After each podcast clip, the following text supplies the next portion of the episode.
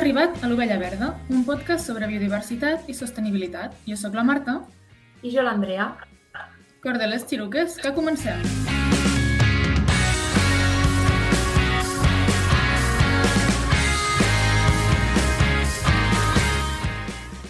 Aquest podcast pertany a la xarxa de podcast de ciència i medi ambient Podcastidae.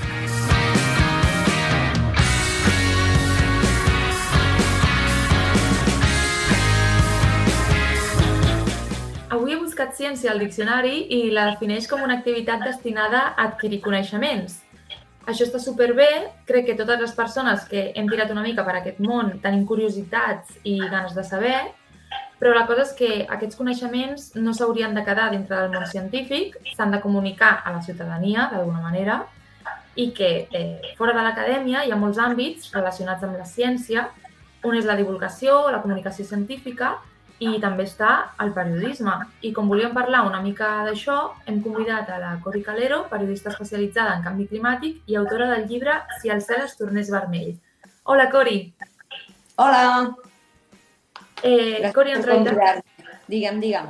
Doncs que voldríem fer-te diverses preguntes, però ja que hem comentat que has escrit un llibre, primer ens agradaria preguntar-te per què li has posat aquest títol al teu llibre. Mira, suposo que em preguntes per la primera part del títol, que és si el cel es tornés vermell, però el sí. més interessant per mi és la segona part del títol, que és conèixer el canvi climàtic per combatre'l. Perquè, com vosaltres heu dit que la ciència és coneixement i tant de bo no es quedés només en el coneixement, sinó que s'apliqués, realment eh, penso que per combatre un problema tan greu, que és el més greu que, al que s'ha enfrontat mai la humanitat, que és la crisi climàtica, cal conèixer el problema si el cel es tornés vermell, per mi és un, és un títol, una mica una alegoria al per què la humanitat no fa res per combatre un problema que ja tenim, perquè el veu tan llunyà i perquè el veu llunyà en el temps i l'espai. I gira, quan llegiu el llibre veureu que gira una mica entorn a aquest títol a la idea de que si fos més visible el seu efecte i més durador, doncs actuaríem més. Per què dic això? Doncs perquè ara mateix ja patim la crisi climàtica, però, per exemple, ara tenim una onada de calor, però potser d'aquí dues setmanes ja no. I llavors la gent ja se n'oblida. O vam tenir el fenomen meteorològic extrem Glòria. Ui, sí, tothom el vinculava a la crisi climàtica, però després se'n van oblidar. En canvi, penso que si hi hagués una cosa molt visible com que el cel es tornés vermell i si en tornés per sempre, doncs potser llavors sí que, sí que passaria, passaria alguna cosa, que reaccionaríem com a societat, que és una cosa que no hem fet. Tothom tira la culpa als grans governs, a les grans potències econòmiques i tal, però en realitat com a societat tampoc estem, no estem sortint a, a, a revelar-nos, no? Mm -hmm. M'encanta que expliquis això ara perquè, de fet, el que et volíem preguntar no, era, era sobre aquesta percepció de que la crisi climàtica, el canvi climàtic és una cosa llunyana en l'espai i en el temps, i, i de fet, doncs, tu mateixa dius que, que, que es veu així, no? I clar, et volíem preguntar una mica per què passa. Tu ens comentes que és perquè potser és com que ens en oblidem, no? Tenim una memòria a curt plaç i necessitaríem un recordatori dia rere dia. Però creus que des de la comunicació de la ciència o el periodisme es pot fer alguna cosa per anar-ho recordant, tot això?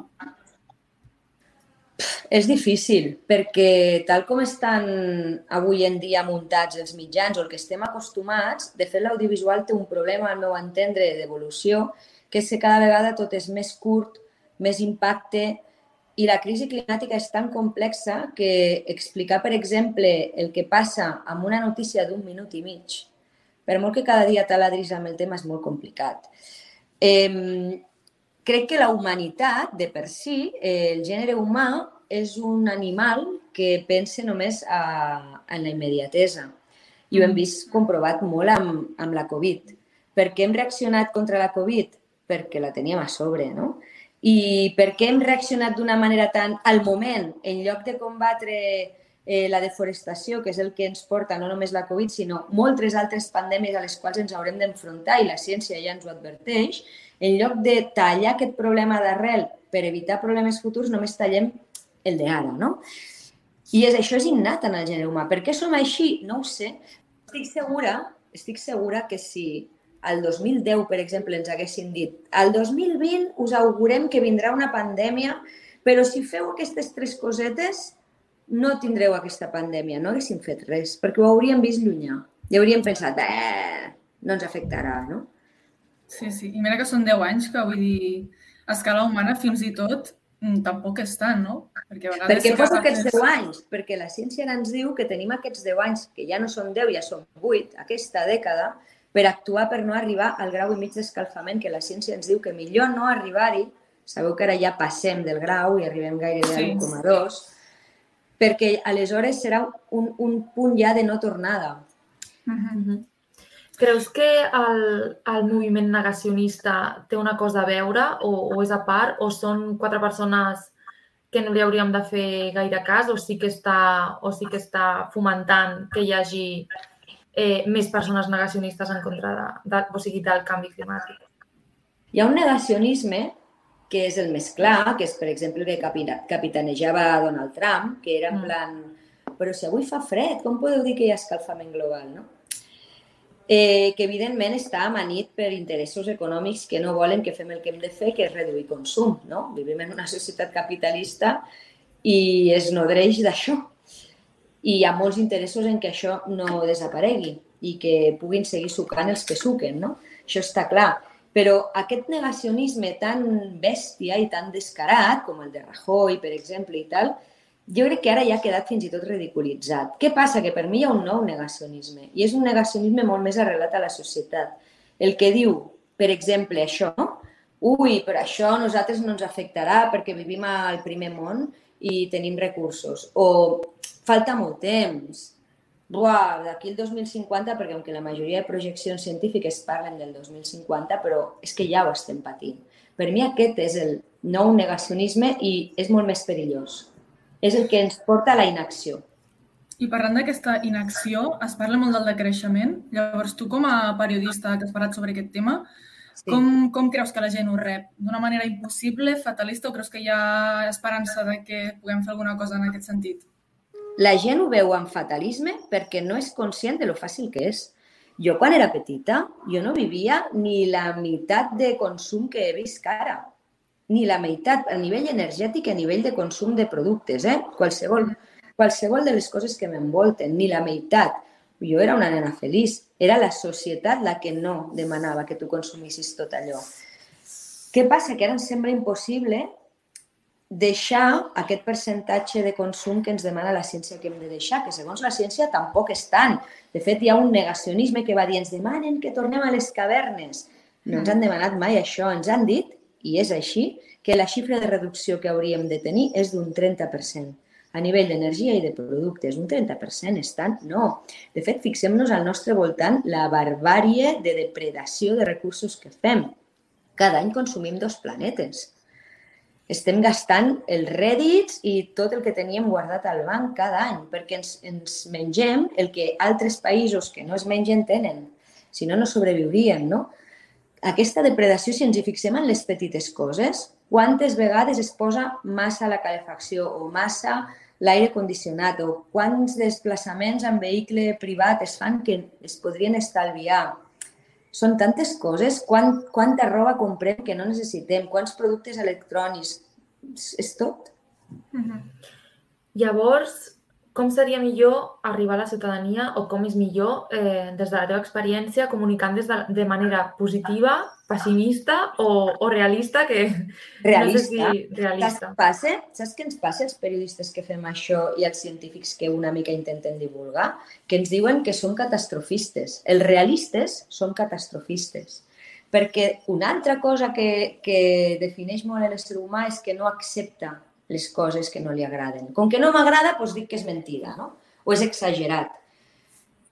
Jo, sincerament, m'agradaria tenir la clau de saber com he d'arribar a la gent, perquè és molt complicat i és un debat molt gran. He fet infinitat de cursos de com divulgar la ciència en els mitjans i cap m'ha servit. He vist cursos en els quals et diuen sempre has de ser positivista, cursos que et diuen sempre has d'ensenyar només cru perquè la gent ho vegi. I dius, en què quedem?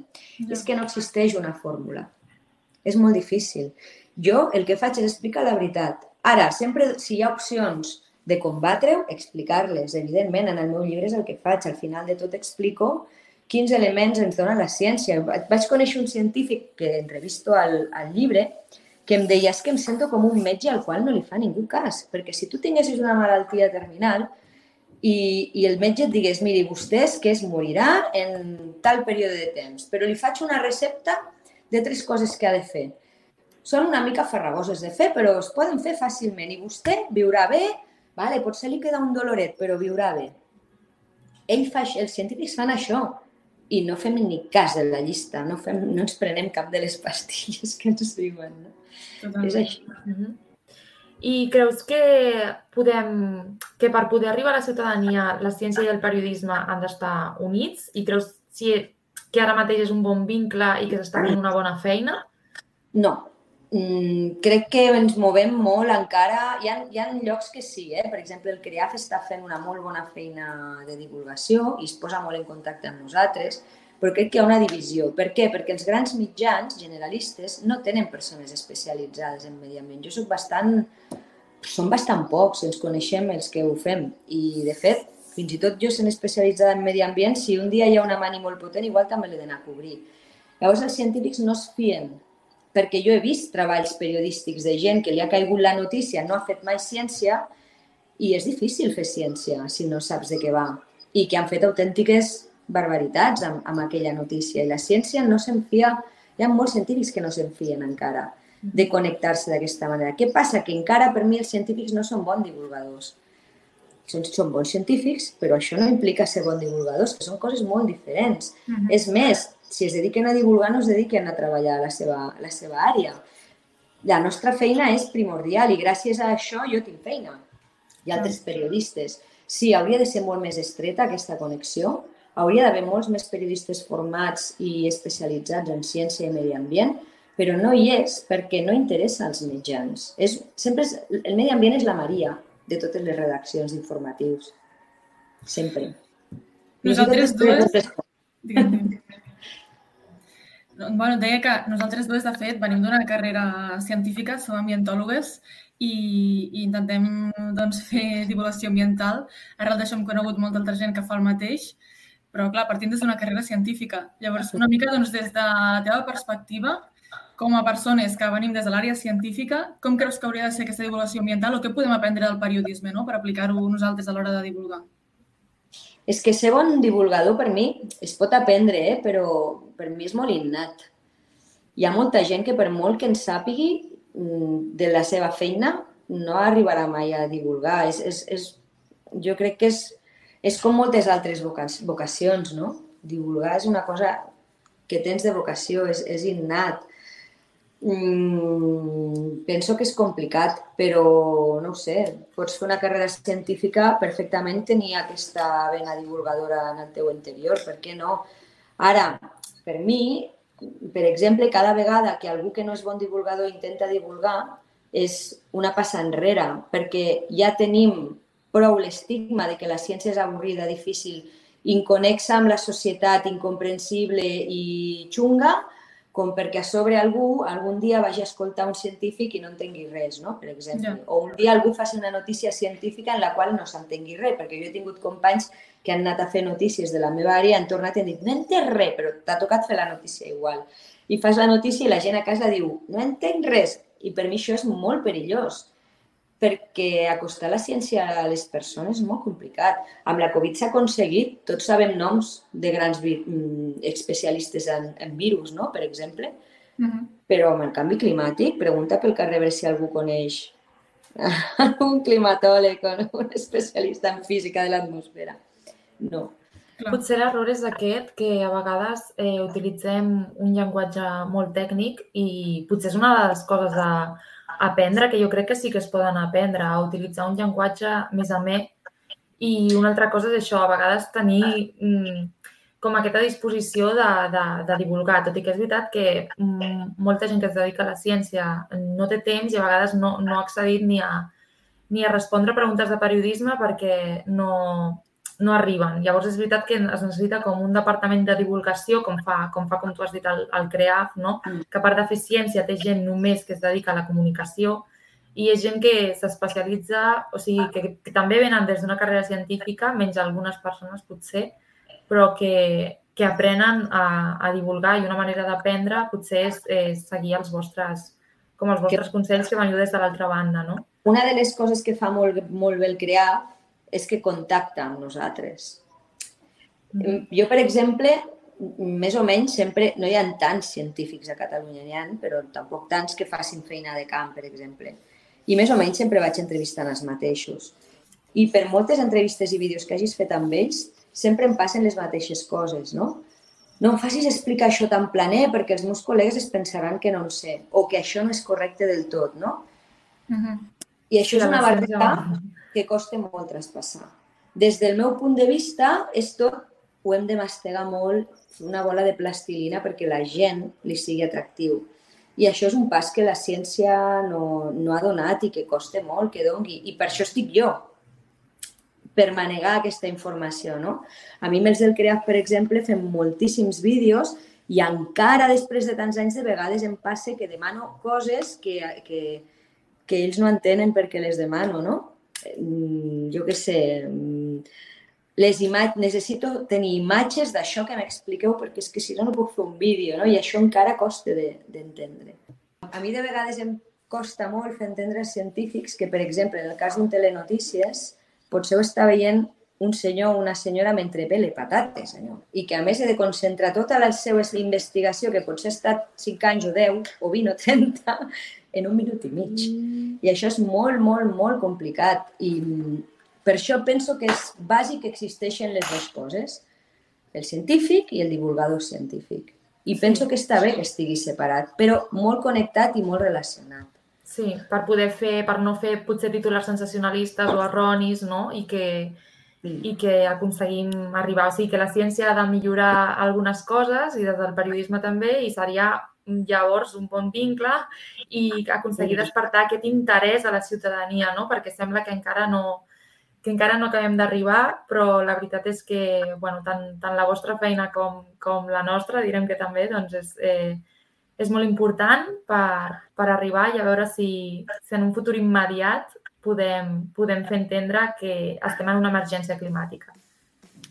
Um, així que moltes gràcies pels teus consells, Cori, per venir a, a l'Ovella Verda, al nostre podcast, a, a parlar sobre comunicació ambiental.